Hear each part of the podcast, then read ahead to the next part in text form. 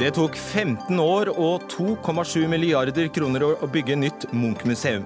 Når Stortinget skal ha ny tunnel med varemottak, tar det fire år og koster nesten like mye. Senterpartiet kalte statsrådene som spiste middag med fiffen på NHOs årskonferanse, men droppet spørretimen dagen etter, for arrogante og respektløse. Men de rød-grønne statsrådene skulket mer enn de blå-blå.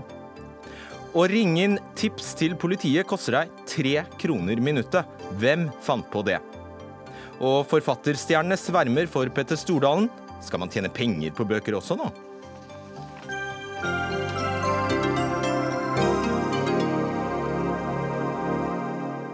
Vel møtt til Dagsnytt 18. Jeg heter Fredrik Solvang. Det tok 40 år og en nasjonal debatt om vi skulle bygge et signalbygg for kultureliten i stedet for å bruke pengene på eldreomsorg. Til slutt sto operaen klar til 4,2 milliarder. Det nye Munch-museet i Bjørvika skal koste 2,7 milliarder og ble gjenstand for utallige politiske hestehandler. Nationaltheatret ba om 4 milliarder fordi taket var i ferd med å dette ned, men fikk under halvparten etter å ha ropt alarm i seks år. Den nasjonale scenen i Bergen trengte et nytt tak, og fikk etter mange år 101 tiltrengte millioner. Så påholdende er altså stortingspolitikerne. De samme politikerne som er i ferd med å bygge en tunnel med postmottak til verdien av et helt Munch-museum. Olav S. Aarflot, du er driftsleder ved Politihøgskolens utdanningssenter i Kongsvinger, men du er her som privatperson. Ja. I en kronikk i Aftenposten under tittelen 'Eg er ei tann i offentlig sektors eh, tannhjul' skriver du at det handler om så ufattelig store summer, og det er så fundamentalt demoraliserende. Mener du med det? Nei, Det er nå da at vi i, eh, spesielt som jeg også påpeker, i den effektiviseringa og de rasjonaliseringene og alt det vi er gjennom nå, at vi skal prestere mer, gjerne med mindre midler, kanskje mindre ansatte. Og så skal da statsapparatet på andre sida da være helt ansvarsfraskrivende når det gjelder sine eh, overskridinger. da. Og det, det, er enkelt og greit frustrerende. da. Mm. Ja. Frustrerende og demoraliserende. Ja, og, det du, ja. og, det du, sikter til, er altså den eh, berømmelige avbyråkratiserings- og effektiviseringsreformen. Ja. Som altså medfører for dere. Bare gi et eksempel på hva det medfører for dere. Uh, nei, det er nå at vi skal nå da Ja, hvert år så har vi Nå husker jeg ikke akkurat prosentdelen, men, da, men det er nå en prosentdel vi skal ned hvert år, også med mine etater. Og, og det fører nå til at også vi praktikere på en driftsavdeling skal avbyråkratiseres. Og som vi skriver, hvordan avbyråkratisere en praktiker, det er ikke spesielt lett. da. Så vi, vi føler på at dette her blir helt feil. At vi, vi eh, Hvis du sitter på rumpa og ikke gjør så mye, så er det vel rom for effektivisering? Ja, men vi er nå da allerede fintuna og effektivisert, da, så, så, det er veldig lite å gå på. Mm. Og det bør eh, statsapparatet og de som bestemmer, ta inn over seg.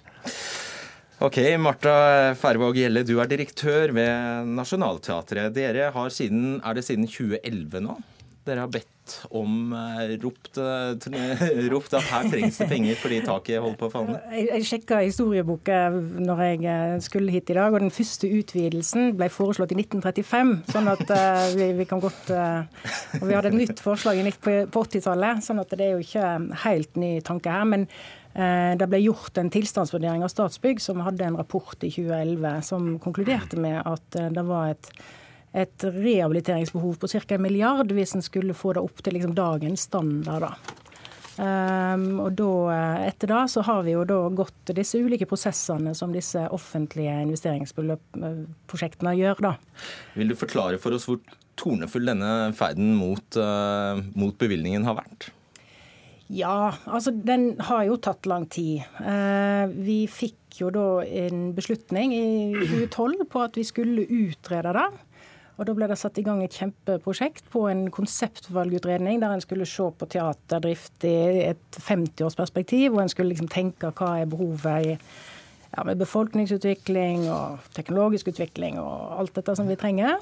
Og så var det en rapport der i 2014 med alle disse ønskene. Og så ble det satt i gang en kvalitetssikring av den. Um, og den uh, var vel ferdig i 2015. Så gikk det et år før vi fikk en beslutning i regjeringen. Da ble det da satt i gang det som nå heter avklaringsfasen, for å presisere ytterligere hva som skal være innenfor prosjektet, og hva som er mulig og hva som ikke er mulig, og hvor mye det koster osv. Ja, og Dere ba om 4 milliarder eh, om lag for å rehabilitere hele Nationaltheatret, og fikk langt ifra så mye, omtrent halvparten? Ja, altså Anbefalt, altså anbefalt eh, konsept ut av konseptvalgutredningen i 2014 var et konsept med nye scener og alt som skulle til eh, i området rundt Nationaltheatret eh, på godt og vel ja, 4,5 millioner var det vel ca. Milliard. Mm. Ja, milliard, unnskyld. Mm. Og så fikk dere om lag 1,9. Ja. Eller det, det, er jo da, da kvalitetssikringen har konkludert med. Da. Nettopp. Forklar for oss, uh, Orflot, du er selv altså mellomleder i et, uh, i et statlig organ. Hvilke konsekvenser får det for deg om du ikke holder budsjettet ditt? Nei, altså, jeg mister nå neppe jobben, da. Jeg heller. Men, men uh, alt etter hvor store overskridingene har vært alvorlige nok, så har nok jeg mista jobben. Det tror jeg nok, altså. Men, uh, Hvis det prosentvis hadde vært på størrelse med stortingssprekken? Ja, da, da, har jeg nok ligget tynt an. Det, det er jeg ganske sikker på, ja. Og det er slik at altså, Her er det liten nåde ute og går? Altså, hva, hva skjer Nei, om du går over ikke, budsjettet? Ikke, altså, nå, nå har jeg så stort budsjett at jeg på langt nær kan operere med slike summer.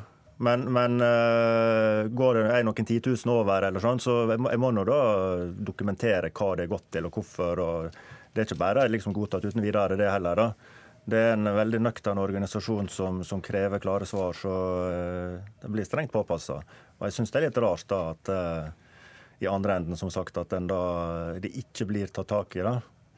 Og der, igjen, så syns jeg at media har gjort en for dårlig jobb. da. At uh, her skulle en dykka mye dypere og funnet ut hva som er underliggende. Ikke bare tatt denne her heksejakta igjen, da. Det blir for ensidig, altså. En må uh, finne det underliggende grunnene. Hva er det vi skulle ha gjort? Uh, spurt om, om hva prosesser, hva kontrollrutiner som ligger til grunn. Hva som ikke har fungert, ikke minst. da. hva kultur eller her må det være en ukultur. Altså, Finne ut hva det er all verden det som er svikta. Når, når det, det er så ufattelig store summer.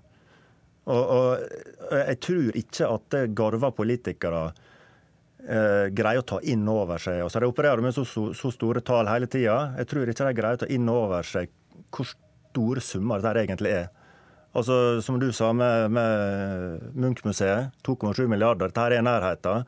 Og alle de utredningene og det som var. Og her mer eller mindre stillhet, mm. så forsvinner dette ut i ingenting. Det, det, går ikke an. Fortal det til oss. Ja. Uh, Marta Gjelle, hva har du tenkt de siste dagene etter hvert som denne stortingsskandalen har uh, rullet opp? Og du, du, vet nøyaktig hvor påholdne de samme politikerne er overfor dere. Det er veldig vanskelig å skjønne at det kan gå så langt, og at det blir sånne overskridelser som dette. Det, det er veldig vanskelig å skjønne. fordi at Iallfall i den prosessen vi er i, da, så er det jo mye fagfolk inne, og en presiserer mer og mer hva konseptet skal være, og en presiserer mer og mer hva rammene skal være, og en finner ut hele tida hva, hva, som er risikoer for overskridelser, og så utreder en da nærmest og finner en ut. Altså F.eks. nå, Nationaltheatret har dette siste året, så har Statsbygg utredet for oss, og er det mulig å grave i grunnen under teatret, f.eks. Så har de funnet ut da går vi ikke. Og så OK, men da må det ut av konseptet. Og så har du da et problem i forhold til plassen. Sant? sånn at da er jo vi plutselig skvisa i det konseptet som er valgt av regjeringen nå, med at vi ikke får plass i, i bygget. Um, men det er jo det er jo da ting som blir avklart før det foreligger en bevilgning til et byggeprosjekt.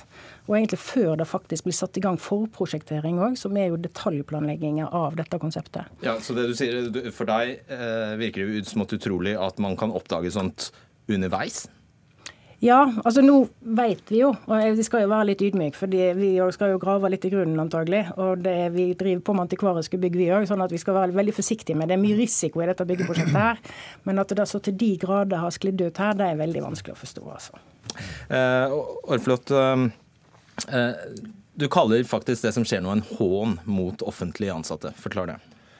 Ja, Det er nå igjen tilbake til, til utgangspunktet dette med, med, vi som sitter på et budsjett og, og, skal til stadighet få det til å gå opp. Men ikke bare vi som sitter på et budsjett, men alle andre med. Og også private som ikke er offentlige. Så føler en på på de nedskjæringene og, og nedbemanninga som fører til at en jobber mer. Folk blir syke av det. Jeg kjenner veldig godt folk i andre etater som søvnproblem og, og ligger våken om natta og enkelt og greit ikke får endene til å gå opp. da. Og ja, Det er mange sånne eksempel. Jeg kan jo dra opp selvfølgeligheter med alle sammenligninger med veiprosjekt og, og fødeavdelinger og akuttfunksjoner og alt dette her en heller ville ha brukt penger til. Da. Men uh, som, som uh, ja, i min, min stilling så, så, føler jeg at en, en uh, det blir feil når det, en, en blir ikke behandla sånn, men sjikanert på en måte. Du føler det nesten som, som en tilsidesetting. Mm. Da eh, passer det seg at jeg nevner at vi selvfølgelig skulle hatt noen av de politiske partiene og noen av de ansvarlige politikerne til eh, stede. Det var ingen som eh, ønsket å stille her i dag, gitt. Eh, Gjelle, dere er også underlagt denne avbyråkratiserings- og effektiviseringsreformen. Gi et eksempel på hvordan det arter seg. Nei, altså Det er jo et, et, en underkompensasjon hvert år. Vi er jo en, en, en folkeintensiv eh, organisasjon, slik at det er jo mye lønn som styrer, styrer vår, vår, kostnadsutvikling. Eh, vi er jo veldig små og sårbare administrasjoner i utgangspunktet. slik at det går jo nødvendigvis på kunsten eh, direkte at vi skal avbyråkratiseres. Og så er det jo også sånn at Når du bor i et bygg fra 1899, og du har verkstedene dine på Brobekk, og du har et annet teater på Torshov, og du har administrasjonen i Stortingsgata, så sa det seg sjøl at det begrenser hvor effektiv du faktisk klarer å være i det. Med noen få ord, hvordan reagerer Teater-Norge på det de eh, opplever skjer noen få kvartaler lenger borte i gata? Nei, altså Jeg er jo bare veldig bekymra for at dette nå går på bekostning av vårt prosjekt, og at vi enda en gang blir skjøvet ut i tid. Det er vel den store bekymringen jeg har. Ja, For det er samme pott, gitt. Ja, det er, det er jo det. Ja. Mm. Magnus Sakvam, politisk kommentator i eh, NRK. I dag har altså stortingspresidenten redegjort for Stortinget. Hva kom fram der? Det var ingen store nyheter i den redegjørelsen. Eh, det som ble lagt merke til, var jo eh, først og fremst forklaringen fra Thommessen på skal vi si, informasjonsinnhentingen om eh, tilstanden i prosjektet på tidspunktet før, han redegjorde 20.12. Og også i perioden etterpå fram til 15.2, da jo den sjokkartede overskridelsen ble kjent for noen uker siden. Da argumenterte Thommessen for hvorfor han ikke mer aktivt etterspurte tilgjengelig informasjon. Det var jo eh, i, i prosjektorganisasjonen eh, tall som, som, var faretruende for, for eh, overskridelser. Og, og, alle pekte på at Eller mange har pekt på at han burde etterspurt det mer. Da sa han at det F.eks. sa han at det ville etter hans mening innebåret en mistillit mot direktøren med aktivt å etterspørre det, fordi han forventet at den typen informasjon uten at han trengte å spørre det, kom automatisk til han. på en måte. Så det ble lagt merke til og ble kritisert av spesielt opposisjonen. Og så bare én ting til som jeg la merke til, var at de overskridelsene som ble kjent 15.2, de var ikke kom ikke fra nye regninger som plutselig dukket opp som man ikke hadde sett før, men var egentlig tilgjengelig informasjon allerede i prosjektet. Altså Det var rett og slett slik at man i rapporteringen underveis ikke hadde sett dette. Så hvis de hadde lest papirene, ja. så hadde de sett det? Ja, og det etter min mening så, så, så utdyper det at hele prosjektprosessen eh, og ledelsen har vært ytterligere uprofesjonell sammenlignet med det som har vært kjent. Ja, De satt jo i dette, de har sittet en etter en i dette studio og påstått at de fikk en regning på nesten 100 million, ja, millioner dumpende ned i fanget. Ja, altså, det, han, uh, Thommessen gjentok jo uh, en del av de tallene uh, fra Multiconsult som han hevder har økt regningen med 95 millioner kroner og sånn. Men de, det var allerede fra 2016, slik at det burde man man kunne ha sett. Vil man si har ha sett uh, før i februar. Da. Så er det altså opp til alt. Det meste er opp til KrF nå. Hva sier de? Nei, altså de uh, er jo hemmelighetsfulle for så vidt. Men de jeg har snakket med i KrF i dag, sier at For de ville jo vente på redegjørelsen før de konkluderte, og det, det skal de gjøre. At han ikke, ikke, styrket seg gjennom den redegjørelsen. Det er den vanlige vurderingen i, i KrFs stortingsgruppe. Ehm, og at det dermed ligger an til at de vil markere at de skal vi si, mener han ikke bør fortsette i en eller annen form. Det er mm, den vurderingen jeg, jeg, jeg gjør av KrFs holdning. Så spørs det når den kommer. Mm. Og så spørs det om det kan, det kan alltid dukke opp andre ting som endrer det bildet, men det er vurderingen i øyeblikket. Kom det noen nye kreative forslag til inndekning her? Nei, for så vidt eh, ikke. Man har jo varslet at man skal legge en del planlagte eh, prosjekter på is. Men finanskomiteen, som nå skal overta selve pengespørsmålet her, eh, budsjettansvaret, kan jo ikke på egen hånd komme med store innsparingsforslag. Det er det administrasjonen og prosjektet selv som på en måte må foreslå for finanskomiteen.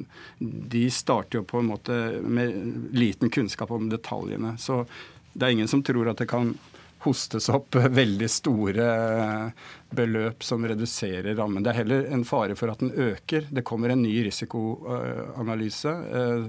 3.-4. Eh, april er den ventet, som, som, virkelig skal ha gått gjennom prosjektet en gang til. Så man må vente i spenning på det. Ja, bare gjentar, det er de samme pengene. Takk skal dere ha, Olav Aarflot, Marta Gjelle og Magnus Taka.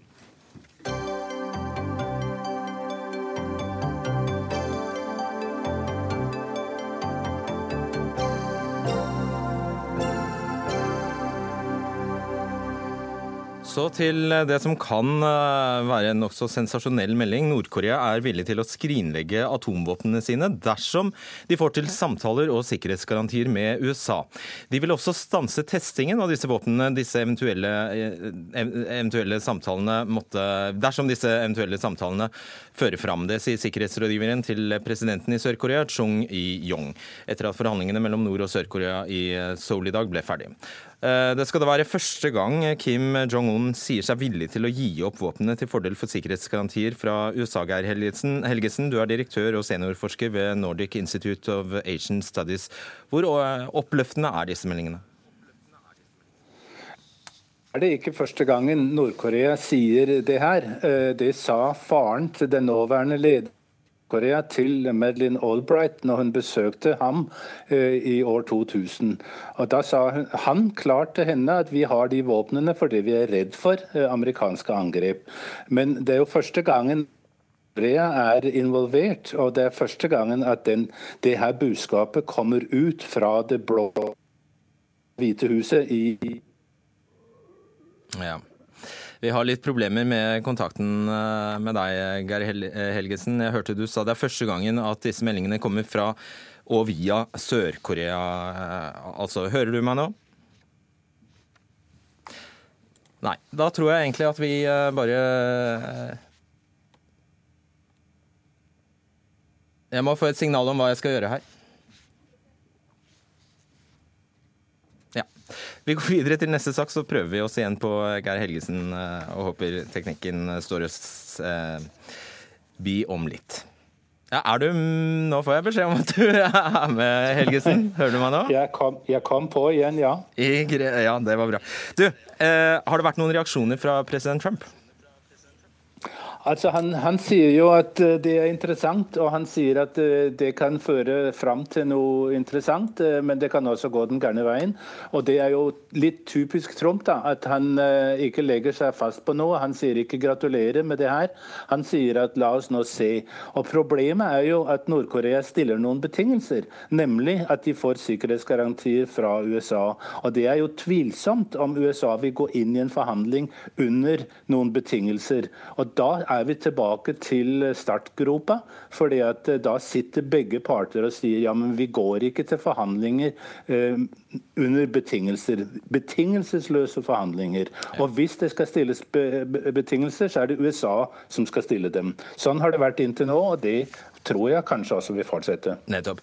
Og, altså, hvis man skulle komme dit da, at, eh, at USA valgte å stole på uh, dette terrorregimet i Nord-Korea, hvordan skulle man eventuelt gått fram for å sjekke at de kvitter seg med våpenet, helt praktisk? Altså Det er klart at hvis det kommer en avtale som eh, Sør-Korea og USA og Nord-Korea er med på, så kommer sikkert også Kina og muligvis også Russland med i den avtalen. Og Da eh, blir det jo et eh, kontrollregime som man også avtaler. Det er klart at man kan ikke inngå en avtale med Nord-Korea og stole på uten å sjekke det, at den holder de, den avtalen. Så, så det ligger klart at det, det, kommer til å bli kontroll. Eh, men det er ingen grunn til å tro at Nord-Korea skulle bryte avtalen fordi de er et eh, bandittregime som aldri holder avtaler. Eh, det er erfaringer fra tidligere, under Clinton f.eks., at man faktisk holdt de avtalene man inngikk med USA. Mm. Nå kommer jo disse møtene i kjølvannet av en rekke testoppskytinger det siste året. Hva, hva ønsker Nord-Korea å oppnå med dem? De ønsker å komme i en posisjon hvor de eh, blir i en, i en forhandlingsposisjon med USA. Mm. Uh, og de har erfaring for at hvis de ikke ikke oppfører seg på den måten ved å teste våpen, så er de uinteressante sett fra Washingtons side. Men hvis de tester våpen, så er det som regel mulighet for forhandlinger.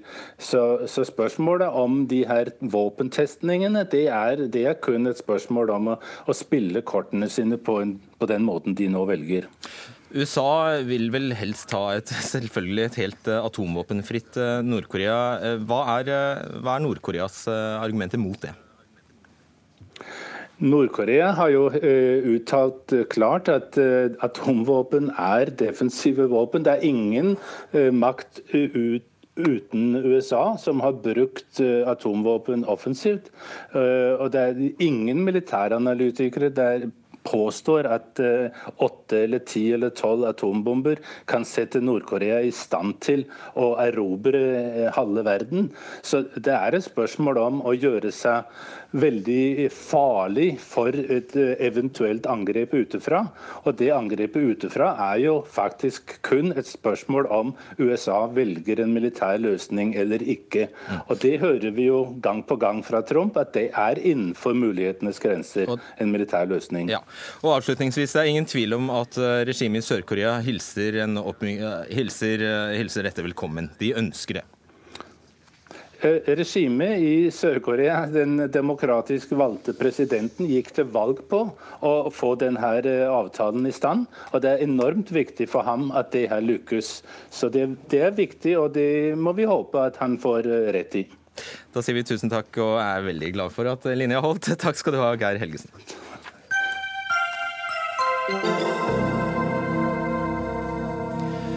Hun eh, var ikke nådig for noen uker siden, parlamentarisk leder i Senterpartiet Marit Arnstad, da hun påsto at fire statsråder valgte å gå på NHO-fest i stedet for å komme til spørretimen. De tok seg fri på tirsdagskvelden, eh, reiste på NHOs årsmiddag, eh, men sa altså blankt nei til å komme til Stortinget. og Det syns jeg er svært uheldig. og Jeg mener også at det eh, endrer spillereglene mellom storting og regjering. Vi ønsker å minne også dem som sitter i regjeringsforhandlingene på at de er ansvarlige overfor et storting, og at det å møte i Stortinget går foran nesten alt en statsråd gjør, så lenge statsråden er innenlands. Er det et spill, Marit Arnstad? Nei, altså det her mener jeg det er et viktig del av på en måte den konstitusjonelle sedvanen mellom regjering og storting. Men heldigvis har vi en oppvakt presse her i landet, til og med en hel redaksjon som sitter og faktasjekker politikerne.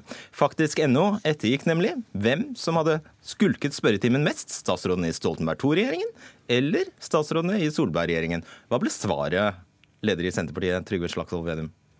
Jeg vet jo ikke svaret, Solvang. Jeg spør deg. ja, men det som er Poenget er jo at det er helt vanlig. Sånn denne uka her så hadde jeg kontakt med Frank Bakke-Jensen. Eh, eller forrige uke, mener jeg. Han spurte meg om han kunne la være å møte fordi at han skulle på en for, minnesamling for det som skjedde på Rjukan under andre verdenskrig. Skjønner. Hva kom det, faktisk fram til? Ja, det var at det var eh, mange som hadde ikke møtt på i spørretimen. De hadde gjort avtaler eh, med den lokale stortingsrepresentanten og sagt at det er OK. Og Sånn var det når jeg sjøl var statsråd òg. Jeg tror jeg møtte stort sett alltid. Men det var et par ganger jeg ringte til den eh, stortingsrepresentanten som hadde spurt kan jeg utsette til neste uke. Og hvis vedkommende sa ja, så var det greit. Hvis vedkommende sa nei, så møtte jeg. Og det var hovedproblemet her. Nå, jo... Eh, vent, vent, vent. vent. Skal jeg vente, men det må jo Det enkleste spørsmålet i verden. Fasit. Her skal du få fasit. Eh, Av de 1116 spørsmålene som ble stilt til Stoltenberg II-regjeringen, ble 200 enten utsatt eller besvart av en annen statsråd. Det utgjør en andel- på 18% Av de 1174 spørsmålene Solberg-regjeringen har fått, ble 165 spørsmål utsatt eller besvart av andre statsråder. Det utgjør en andel på 14% Fasit er altså at din regjering skulket mer. Hvordan forklarer du da Arnstads utfall? Fordi at eh, her var det ikke inngått noen eh, avtale. Det er helt vanlig at det blir inngått avtaler mellom statsråd og stortingsrepresentant. Eh, Når det er praktisk, eh, og når begge parter er enige om det. Så det var avtaler hver gang dere var borte? Det var sikkert noen unntak fra det, men det er hovedregelen. Eh, Og det er helt vanlig at en statsråd ringer, eller forværelse ringer noen ganger, og spør kan vi utsette spørsmål en uke, og så sier stortingsrepresentanten noen ganger ja, andre ganger nei. Og det handler om nettopp fordi noen saker er veldig dagsaktuelle, veldig viktige. Og det som er problemet her sånn, var jo at det var en regjeringsforhandling. Det var viktig å få opp store spørsmål. Det var en diskusjon om pensjonene til renholderen i NSB. Vi syntes det var viktig å få løfta den debatten, få fram konsekvensene av privatisering, få fram konsekvensene av tvangssammenslåing av kommuner. Vi ønska debatt i Stortinget, men det hadde ikke de fire statsrådene fra Høyre Frp tid til. Men de hadde tid til å gå på NHOs årsmiddag. Og for Poenget er at hvis du ikke Ja, nå- for eksempel, ja, hvis Frank Bakke-Jensen ikke kan kan ikke- komme, så sier jeg jeg skjønner det, for du skal til Rjukan på en minnemarkering. Men det er noe annet f.eks. å gå på NHOs årsmiddag. Det er det. Det skal vi spørre om nå. eh, Det er jo det. Det er vitterlig det. Ketil Solvik-Olsen, samferdselsminister fra Fremskrittspartiet. Bare for å oppklare det, du var på den middagen? Det var jeg. Jeg hadde egentlig takket nei, men eh, tirsdag kveld så var det rådgiveren som satt og forberedte onsdagens møte, og da hadde vi noen timer fri. Da reiste vi på middagen for å se andre folk. Så det hadde du tid til, men du hadde ikke tid til å Vel, stille i spørretimen dagen etter. Ja, Spørretimen i Stortinget er altså ikke tirsdag kveld etter klokka åtte. Eh, Den er midt på dagen, og da visste Senterpartiet utmerka godt at vi skulle sitte og forhandle om dette. Jeg tror eh, Trygve Slagsvold Vedum vet utmerka godt at dette var et stort politisk spill de satte i gang. Men jeg er veldig glad for at faktisk.no har vist at de som møtte minst opp i Stortinget, var faktisk den rød-grønne regjeringen. Jeg har vært statsråd i 52 måneder. Det er fire spørretimer jeg ikke har kunnet møte opp i. Mine forgjengere Ni spørsmål du ikke har besvart. Riktig, fordelt på fire spørretimer. Mine forgjengere møtte ikke opp i elleve. Eh, Sånn at Hvis Senterpartiet mener at noen ikke viste respekt for Stortinget med ikke å møte opp, så bør de se seg selv i speilet. Jeg synes, eh, Ok. det, det er bra ja. Ja, men nå er det jo stortingspresidenten også som har sendt et eh, meget kritisk brev til statsministeren om den oppførselen som dere viste. Ikke et kritisk brev til Senterpartiet, så det burde du ta inn over deg. Det er Høyres, det er Høyres, det er Høyre, det er Høyres, det er Høyres stortingspresident som har gjort det, ikke våres, eh, ikke, ikke våres stortingspresident. Og et samla presidentskap, og også FrPs eh, visepresident står bak det brevet. Så det er liksom punkt Ja. nummer én. Og punkt nummer to er jo, det er jo sånn at hvis det skjer en avtale mellom statsråd og stortingsrepresentant, så er det greit å utsette det. Og det er altså faktisk NHO skrevet i sitt, uh, sin, uh, sin artikkel. At jo, det kan være avtaler. Det har de ikke, ikke gått inn og sjekka. Her var det ingen avtale. Og det kom først uh, kvelden før klokka tre at man sender en annen statsråd. Og for eksempel La oss oppklare det, la oss oppklare det først som sist. Eh, tilbød dere å sende en annen statsråd som kunne svare på spørsmålene sine? Med dine, eh, ja, spørsmålene til deg? Vanlig kutyme er at hvis en ikke selv kan stille fordi at en er bortreist, så tilbyr en at enten så blir spørsmålet utsatt til uka etterpå, eller så stiller en annen statsråd. Alle de Og det skjedde i dette tilfellet. Ja da. altså For første gang på 51 måneder så valgte Marit Arnstad å stille meg et spørsmål i spørretimen. Det hadde hun ikke gjort så lenge jeg var statsråd. Men akkurat den dagen som hun visste jeg var vekke, så valgte hun å stille dette spørsmålet med. Om en sak som er faktisk ikke en del av mitt ansvar engang. Eh, Men hun, eh, vi tilbudet Vi sa veldig kjapt at jeg kan ikke stille fordi jeg er på Jeløya Da har du jo fått et tilbud om en Eh, avtale. Eh, hun fikk, fikk tilbud, men det, som- det som er det interessante Nei, la oss svare på det. Men, men, men, bare, for, at, bare for å vise at dette var en kampanje fra Senterpartiet, ikke en tilfeldighet. Alle med Høyre- og Frp-statsråder som da var på Jeløya, fikk den samme ordlyden i avslaget fra Senterpartiet på å ville ta imot et alternativ Så dere statsråd. tilbød en settestatsråd for alle de statsrådene som Nei, fikk spørsmål? Nei, ulike statsråder. Ja, ja, av- ulike statsråder, men- men, men det er litt rart, da. Når Ja, fire nei, nå holder det. ja. Du har fått tilbudet, men av, du avslo. Altså, vi ville ikke at oljeministeren skulle svare på pensjonsrettighetene til de som vasker toga våre. Det mente vi at samferdselsministeren Du har fått tilbudet, men avslo. men poenget er jo at det er jo samferdselsministeren som må svare for den privatiseringa som skjer av norsk jernbane. Vi mener det er veldig veldig uklokt. Og det, selvfølgelig så var det helt bevisst for oss å stille spørsmål det var regjeringsforhandling. For det er så viktig at vi ikke privatiserer norsk jernbane. At vi ikke, svekker, at vi ikke svekker pensjonsrettighetene til de som er ansatte der. det Det er så viktig at vi ikke tvangssammenslår kommuner. Det er så viktig at vi har nærpoliti. Det er så viktig at vi har en god fordelingspolitikk. Politikk. Derfor så stilte vi de spørsmåla, og vi ønska å ha en debatt i Stortinget, som er Norges høyeste politiske organ, når det var en regjeringsforhandling om viktige spørsmål for landet vårt. Og så er det Ketil Solvik-Olsen og gjengen som ikke har tid til å møte på det, men de har tid til å gå og drikke vin med fiffen, men ikke Nei. tid til å møte i stortingssalen og diskutere politikk. Og det er det som er poenget. Mm. Og det er ikke bare jeg som mener det, også ditt presidentskap med Olemic Thommessen i spissen har sendt et krast brev ja. til regjeringen og bedt dere skjerpe dere. lang tid tar det å kjøre fra Jeløya til Stortinget, Solvik-Olsen? Det tar en drøy time hver vei. En men... time og fire minutter? Ja, noe sånn. Men poenget er Det hadde jo greit. Jo, men da hadde Altså, poenget er for det første så drikker ikke jeg vin med fiffen, jeg er avholdsmann. Spiser kanapeer, ja, da, eller hva Nei, dere gjorde? Det gjør jeg heller ikke. Jeg spiser burger, og det er jeg stolt av. Men poenget, Serverte de burger på en årsmiddag? Nei, derfor ble jeg ikke så veldig mett av den middagen. Men det, på sida av det Poenget er at tirsdag kveld der skjedde arbeid på Jeløya, men det involverte ikke statsrådene. Vi skulle forhandle onsdagen. Og dermed, Du kan ikke bare snu forhandlingene på, til tirsdag kveld når ikke grunnlagspapiret er ferdig. Det vet Trygve Slagsvold Vedum veldig godt. Han lager et spill, men han har blitt tatt med buksene nede. De har prøvd å gi inntrykk av at eh, regjeringen ikke stiller opp i spørretimen. De som har gått gjennom dette, viser at vi stiller opp Nei, men... veldig mye oftere enn det de, Trygve Slagsvold Vedum og gjengen gjorde. Så prøver han å gjøre dette til noe helt annet. Faktum er at de fire spørsmålene som ble stilt til oss, tre av de hadde blitt stilt nesten ordrett likt tidligere. Ja, det har du sagt, faktisk. Det som er... Eh, du, litt statistikk, Slagsvold Vedum. Dere hudfletter altså Solvik-Olsen, mens de tre partikollegene dine som styrte Samferdselsdepartementet før Ketil Solvik-Olsen i den rød-grønne regjeringen, Liv Signe Navarsete, Magnhild Meltveit Kleppa og den nevnte Marit Arnstad, utsatte eller overlot til sammen 21 spørsmål til andre statsråder. Det er 133% høyere fravær enn Solvik-Olsen. Hvordan forklarer du det? Altså, Våre statsråder er opptatt av å reise rundt i landet og møte folk. Det er det, ingen, det er det ingen, tvil om. Men det som da skjedde, når man, reiste, når man, reiste, rundt i landet og møter folk, det er at man ringte til stortingsrepresentanten og spurte om det var greit.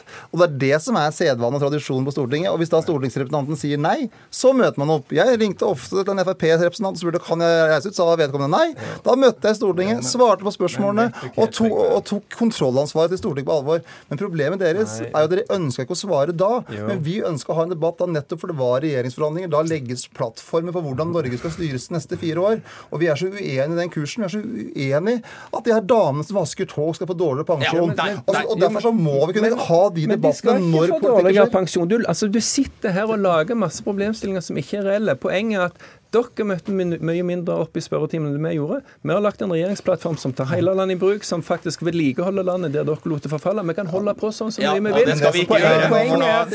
Det, det NRK har gjort, er å vise at den kritikken dere har hatt, har ingen grobunn med den virkeligheten. Ja, men Stortingspresidenten og andre som har vært meget, meget tydelige. Så, så, da må du, da må du begynne å lytte. At vi skal møte, og det gjør vi til gangs. Vi skal møte i spørretimen. Ha det bra. Ha det bra. Du er så usaklig.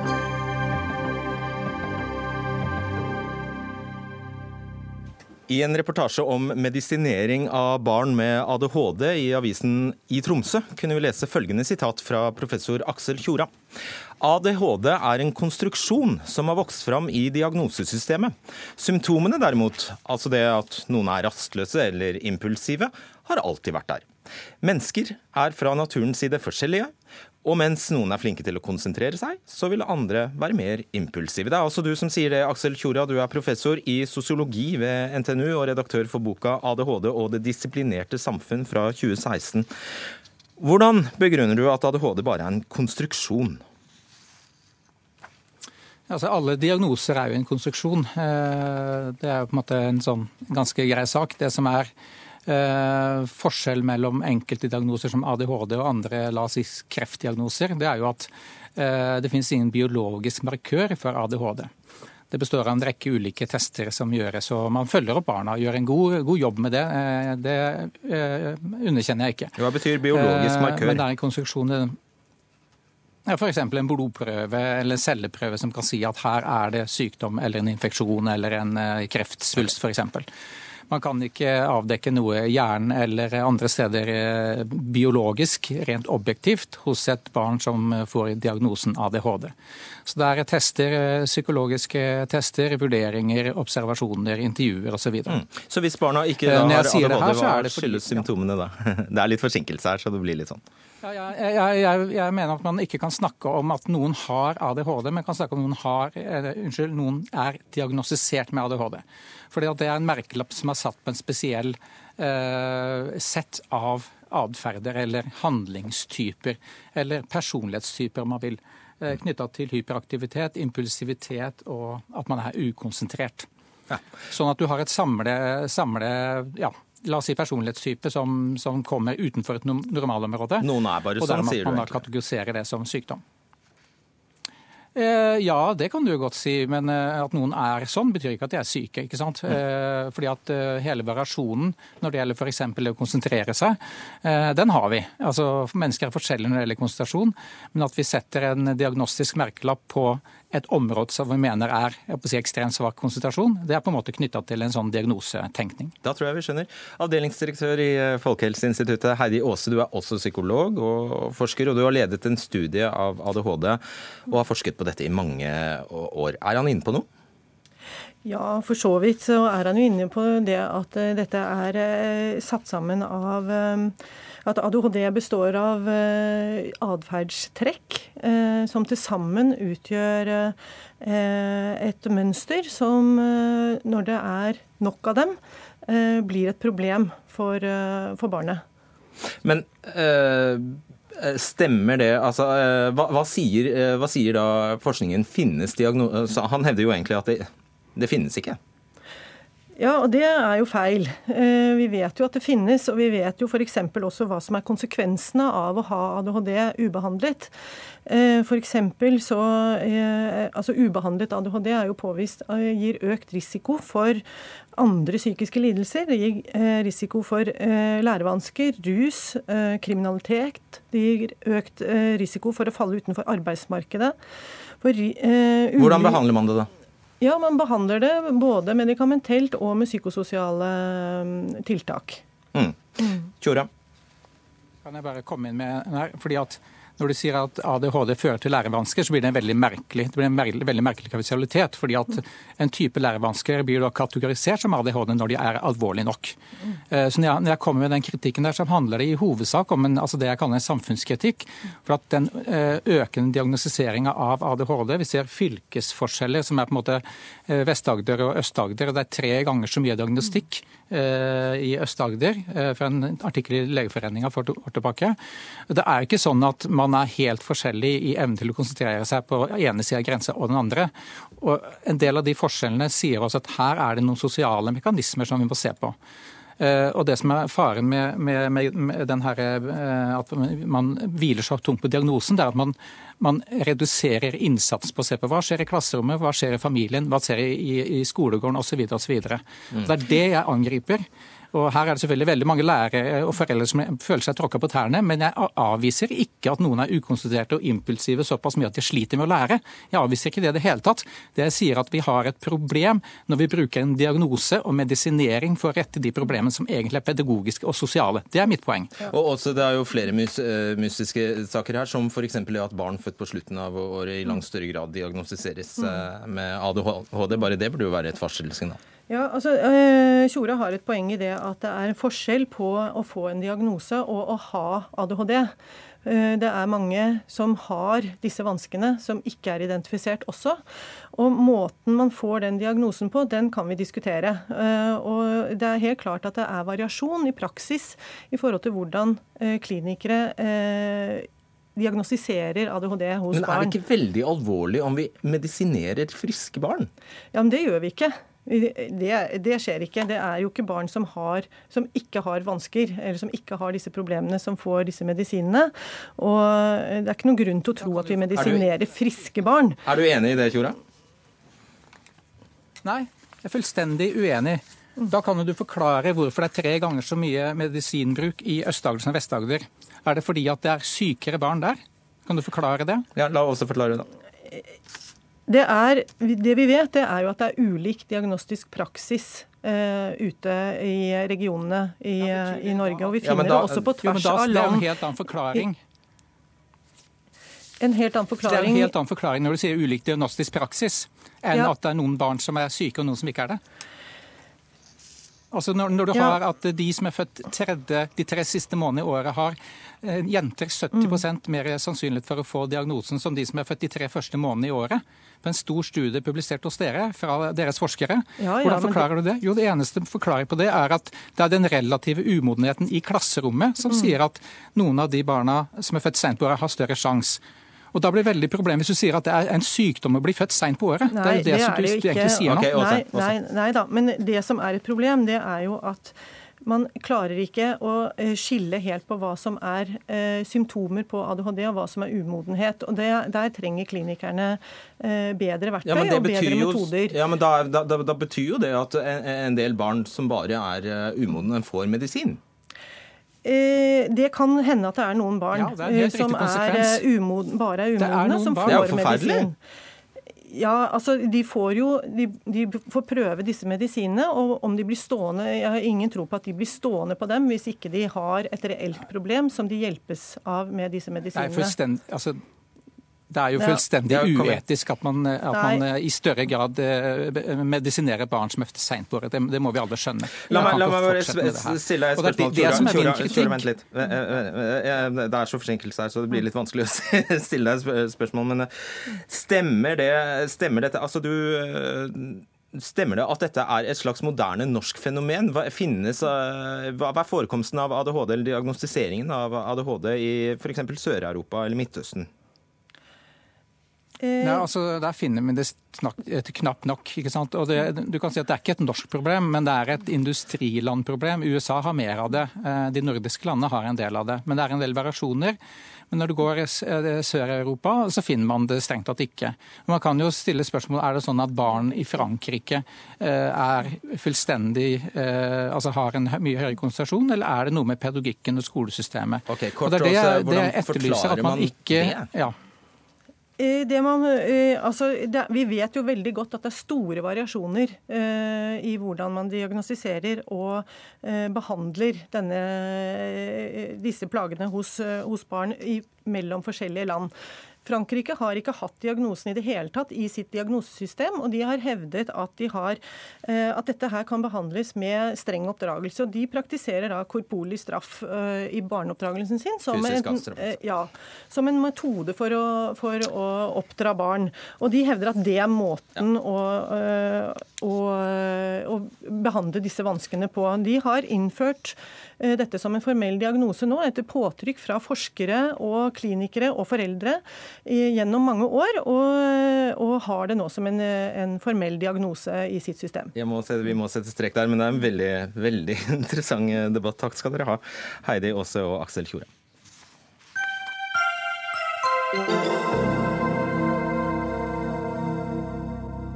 Skal du tipse politiet på telefon, koster det opptil tre kroner minuttet. Trenger du å komme i kontakt med sykehusene i Østfold og Sørlandet, tikker takstameteret. Og hvis du vil tolletaten en tjeneste, og tipse dem om smugling f.eks., ja da koster det deg faktisk penger. Ifølge TV 2 bedyrer Politidirektoratet at de har lyst til å kvitte seg med det femsifrede betalingsnummeret, men de vil ikke komme til oss og fortelle hvordan de skal få det til. Hilde Holt, du er fagdirektør i eh, Pasientreiser eh, helseforetak. Hvem er dere, først og fremst? Eh, Pasientreiser HF er et eh, nasjonalt foretak som er eid av de fire regionale helseforetakene. Hva er dere til for? Eh, og vi er til for å sikre at pasienter kommer til og fra behandling. Så man trenger å ringe dere hvis man skal ha, få seg en tur? Det gjør, det gjør pasientene, ja. Og vi mottar ca. to millioner telefonhenvendelser årlig. Uh, og de aller fleste brukerne våre er fornøyd med tjenesten. Uh, Hva koster det å ringe dere? Vi, uh, det er litt avhengig av hvilket mobilselskap pasienten har. Mm. I verste Men det er et Eh, det er jeg litt usikker på, hva som er eh, den største kostnaden. Vi, vi Eh, får opplyst sånn opptil opp til tre kroner i minuttet, kan det stemme? Det kan stemme. Eh, Og vi mottar nå en del henvendelser på at det er dyrt å ringe til pasientreiser. Prinsipielt, hvordan i alle dager kan dere ha, holde dere med et betalingsnummer når dette er en offentlig tjeneste vi har krav på? Ja, det er et godt spørsmål. og vi etablerte nummeret eh, i 2009, sånn at det skulle være et nummer som eh, alle kunne ringe til, uansett hvor i landet de kom fra, for å komme til, til riktig pasientreisekontor. Eh, og vi mener det er viktig å tilby en nasjonal løsning som gir brukerne trygghet og forutsigbarhet i møte med pasientreiser. Kunne dere ikke ha funnet derfor- eh, et annet nummer? Som ikke kostet oss eh, skjorta? Jo, det er sant. Og Pasientreiser HF har nå i 2018 fått i oppdrag fra eierne våre, da, som er de fire regionale helseforetakene, å gjennomgå bruk av kostbare spesialnumre, nettopp med sikte på å avvikle disse. Så når har dere har satt, ja, når har dere satt tidsfristen for at det skal være borte? Ja, Vi har eh, fått oppdraget nå i 2018, og vi har allerede satt i gang et utredningsarbeid i samarbeid med brukerorganisasjonene og sykehusforetakene for å se på hvilke alternativer som foreligger til dagens telefoniløsning, som vil sikre kvalitet og en billigere telefoniløsning. Dette arbeidet skal prioriteres, eh, og så fort eh, utredningen er ferdig, så vil vi prøve å få dette iverksatt. Ok, Det var godt å høre det, da, i hvert fall. Anne Kristin Wie, du er fagdirektør i Forbrukerrådet. Nå går det jo eh, jeg synes nesten litt synd på pasientreiser, fordi det er jo så mange flere offentlige instanser som eh, gjør dette her. Altså tar seg betalt, eller det er vel for så vidt ikke inntektene går ikke til dem, men de, de eh, benytter seg av numre som koster veldig mye å ringe. Hvor utbredt er dette problemet? For det er et problem. Ja, det, ja, det er et problem. Eh, Og, og det private næringslivet har jo fått eh, marsjordre fra EU på at dette ikke er greit. Eh, Og det er ganske mange private selskaper i dag som er, holder på å avvikle femsifra nummer. Og skulle faktisk ha gjort det i, i oktober. Eh, Så ser vi fortsatt da, at eh, det offentlige eh, har fortsatt lov til å operere med femsifra nummer, men vi syns ikke det er greit, fordi at det er det er såpass fordyrende, og det er såpass viktige tjenester. For her snakker vi om politiet har det fortsatt, enkelte sykehus har det. Pasientreiser, som nå også ble intervjua, har det. Og, og vi har fått ganske mange henvendelser inn fra forbrukere som er eh, oppgitt over at man må betale ekstra for å, å komme i kontakt med, med offentlige instanser. Men det betyr altså faktisk altså Det høres jo helt utrolig ut. Hvis jeg, hvis jeg vil gjøre eh, tolletaten en tjeneste ved å rapportere inn noe jeg tror kan være smugling, så koster det meg penger. Ja, og det er jo det som er så utrolig. fordi Det er helt at, urolig? Ja, det er faktisk det. Og, og, og, og, de er avhengig av tips og en lav terskel for, å, for innbyggerne til å ta kontakt. Hva, hva, hva sier politiet og tolletaten til dere? Tror de at det har noen konsekvens, dette her? Nei, Vi har ikke fått noe svar eh, når vi har gått ut i media og, og poengtert det her. Eh, og det syns vi er veldig synd, fordi at når det private har fått marsjordre, hvor man da sier fra EU at det her er ikke greit, så fortsetter man i, eh, i offentlige instanser å ha femsifra nummer. Og det skal være lett tilgjengelig, det å ta kontakt. Vi Forbrukerrådet hadde også femsifra nummer for en del år tilbake. Eh, fant ut at det der ikke var, var greit, lite servicevennlig, eh, og vi gikk bort ifra det. Hvem kunne ha skåret igjennom her og sagt at sånn, det, det, det, det der, der kvitter dere med? Altså, det klart, altså, vi hadde jo forventa at helseforetakene hadde tatt tak f.eks. overfor eh, de sykehusene som fortsatt har femsifra nummer, og pasientreiser. Eh, Ahus har jo allerede nå eh, nokså nylig avvikla det her og funnet, og funnet løsninger eh, som gjør at de fortsatt kan, kan gi et godt tilbud og får den, den, det behovet som de også har for å rute henvendelsene i, i bakkant. La meg spørre deg, Hilde Holt. Tror du at det har en eh, konsekvens for dere, dette her? At det koster penger å ringe dere? Vi har jo som sagt veldig mange telefonhenvendelser årlig, og de fleste er jo veldig fornøyd med den tjenesten og er også avhengig av tjenesten. Men det er, nå har vi også fått i oppdrag fra eierne, fra de regionale helseforetakene, om å gjennomgå eh, denne ordningen med sikte på å avvikle disse kostbare numrene. Så det, det skjer også noe eh, hos oss. Eh, vi kan ikke forskuttere nå hvordan ny telefonløsning vil bli, men vi skal ha fokus, fokus Kan du- på kvalitet og en rimelig løsning. Det er jo hele poenget her. Ja. Det kan ikke jeg forskuttere nå, men den skal Bør den være, det være skal være en rimelig løsning. Jo, altså Helseforetakene tjener heller ikke noe på ordningen. Så vi vil ha fokus på at den skal være så rimelig som, som mulig for Men det, eh, men det er faktisk irrelevant hvorvidt eh, man tjener på det eller ikke. Poenget er at det er et dyrt nummer. Det ble innført i en sin tid hvor man gikk rundt og huska telefonnummer. Det gjør vi ikke lenger. Eh, og det, det gjør også at eh, det som var tanken i sin tid, den har bortfalt. Da skal jeg bare legge til at Politidirektoratet, som ikke vil stille her i dag, har sendt oss en e-post, eh, og de skriver at vi har valgt 02800 fordi det er enkelt å huske. Og nå er dette nummeret godt eh, innarbeidet. Vi skulle ønske 02800 kunne være gratis, og vi jobber for dette. Men per i dag er det teleoperatørene som bestemmer prisen. Tusen takk skal dere ha, Anne Kristin Wie og Hilde Holt.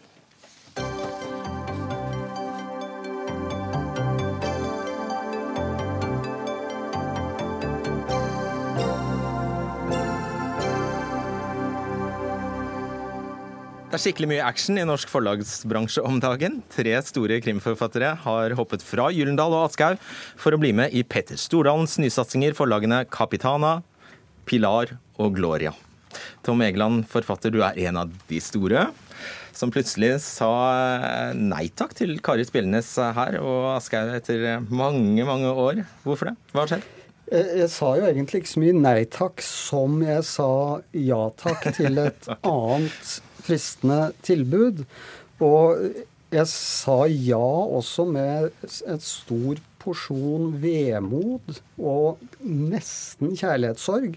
For jeg har vært i Aschehoug i 20 år. Eh, Jeg har bare gode erfaringer med Aschehoug.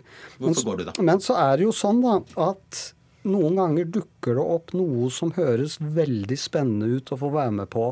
I dette tilfellet så er det da et splitter nytt forlag som skal stiftes. Det er fire uker gammelt, det er et spedbarn. Eh, Det skal bygges opp fra scratch. Og jeg har da fått et tilbud om ikke bare å flytte forfatterskapet mitt der, men også sitte i styret. Jeg kan få innflytelse på profil, på det som forhåpentligvis blir redaksjonell bredde. Og i sum, og, og ikke minst også kanskje selge mer bøker. Jeg har jo ikke noe imot det.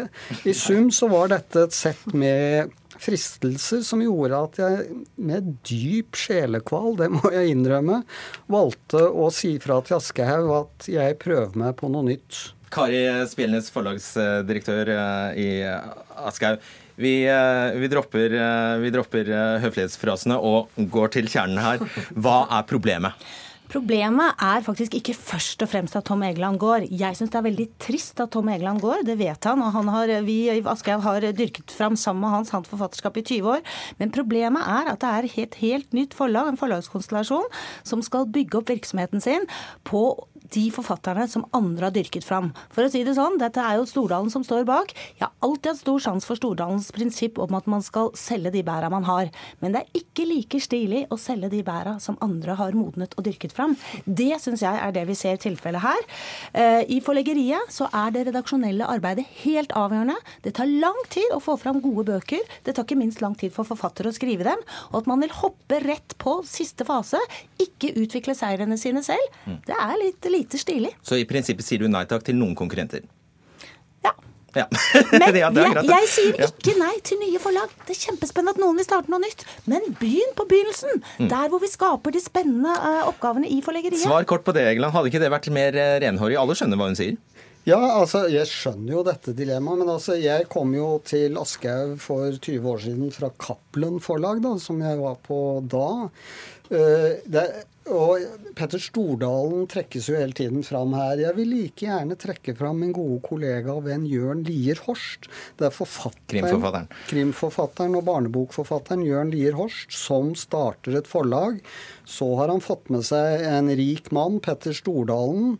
Og ikke minst hva skal vi si, navnet Petter Stordalen eh, provoserer jo kulturlivet. Ja, det gjør det nok. ja, det som er hovedproblemet. Nei da. nei da. Heidi Marie Krisnik, du er leder av Forfatterforeningen. Har det ikke strengt tatt alltid vært sånn på den måten? Jo, at eh, eller det jeg tenker er at Forfattere har jo ofte vært veldig lojale eh, med forlagene sine, så det tar jo litt eh, tid før de tør å gå. da. Så det er jo nytt sånn sett. Men er det ikke sånn nye forlag har oppstått? Jo, stadig nye forlag som oppstår, og, og det er jo ikke noe som tilsier at Stordalen er en verre kapitalist enn andre, men samtidig det som bekymrer Forfatterforeningen, det er jo hvis det blir større fokus på bestselgere enn det det er i dag. Hvorfor er det et problem? Ja, for jeg tenker at det er jo, Vi har noen litteraturpolitiske ordninger i Norge som nettopp skal jobbe for mangfold og bredde. Eh, og hvis det er sånn Jeg tenker alle forlag trenger noen bestselgere, men hvis eh, Stordalen lopper de andre for eh, Hvis de klumper seg sammen, ja, så er det et problem. Så tenker jeg at da vil kanskje de andre også fokusere mer på å skaffe nye bestselgere. Og så har vi det gående, og da blir det slagskygge tenker jeg, på det som er bredden. Og det har alle et ansvar for å vise, tenker jeg. Men nå gjenstår det å se hvilken profil Capitana vil ha. Jeg må jo få skyte inn her, Når vi snakker om bredde, eller kritikken mot Capitana som et bestselgerforlag altså Forlaget er vel nå fire uker gammelt. Det har ikke utgitt en bok. Det har riktignok signet da tre-fire forfattere, og, og, og vi er relativt kjente navn. Men det er jo forlagets ambisjon, og det er min ambisjon når jeg blir tiltrer i styret, å nettopp bli et forlag som også leter etter nye stemmer, nye talenter. Så først om tre-fire år kan vi tre sitte her i dette disk... Så du er ikke noe fløteskummer, du? Jeg, er jo, jeg skaper jo skummet. Altså, Ja, det er nettopp det. Men hvis Ok, Capitana og Stordalens eh, nye forlagsvirksomhet hadde eh, gjort dette med også å gått ut og rekruttert nye forfattere, bygget opp nye debutanter, ikke først og fremst profilert seg bare på å skulle eh, utgi de bøkene som allerede er drevet fram som store bestselgere, så syns jeg faktisk at dette ville vært en mye mer spennende satsing. De sier at det kommer. Ja, vi kommer til å følge med. Det blir veldig spennende å se. Det som er i forhold til at dette med forfatteroverganger ikke er nytt, så syns jeg Heidi Marie Kristnik er inne på noe veldig viktig her.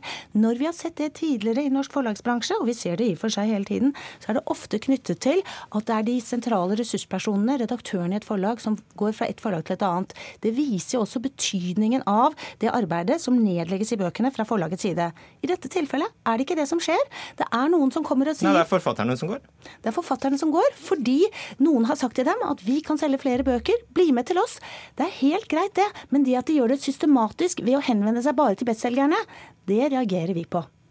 Uh, Ja, nå var det mange ting, men jeg tenker at det er eh, jeg har jo, Nå har jo Tom eh, sittet i styret til Forfatterforeningen i snart åtte år, og jeg har jo tillit til han at han er opptatt av at ikke det er bare markedskreftene som skal rå, og det har han jo tydelig også sagt. Så det er jo viktig å, at det gjenstår, eh, gjenstår å se. Men det er jo noe med det her med langsiktighet. At man plukker liksom ikke spillere fra landslaget og lager sin egen eliteserie. Men, jeg, ja, liksom- men da sliter jeg litt med å forstå hva, eh, hva du egentlig Er det å foretrekke at bestselgerne spres, altså at de tjorer seg fast i hvert sitt eh, forlag i solidaritet med de som ikke selger, så er det det er, Hvordan skal Nei, jeg du oppnå tenker det i at? Forlagene må ta ansvar for bredden. Det må Capitana gjøre, det må Aschehoug gjøre, det må Cappelen Dam gjøre. Alle forlag må ta ansvar for den bredden. Vi har den ja. I, I enda større grad enn forlagene og for den saks skyld forfatterne, så er det jo bokkjedene som er problemet for norsk litteraturs bredde. Bokkjedene har et ekstremt Bokhandelkjedene, mener du nå? Ja, bokhandelkjedene, altså Ark og Tanum osv. Men de eies jo av de samme Ja, det, ja det, det er jo en annen debatt igjen, da. Men altså, de, de har jo innkjøpsråd.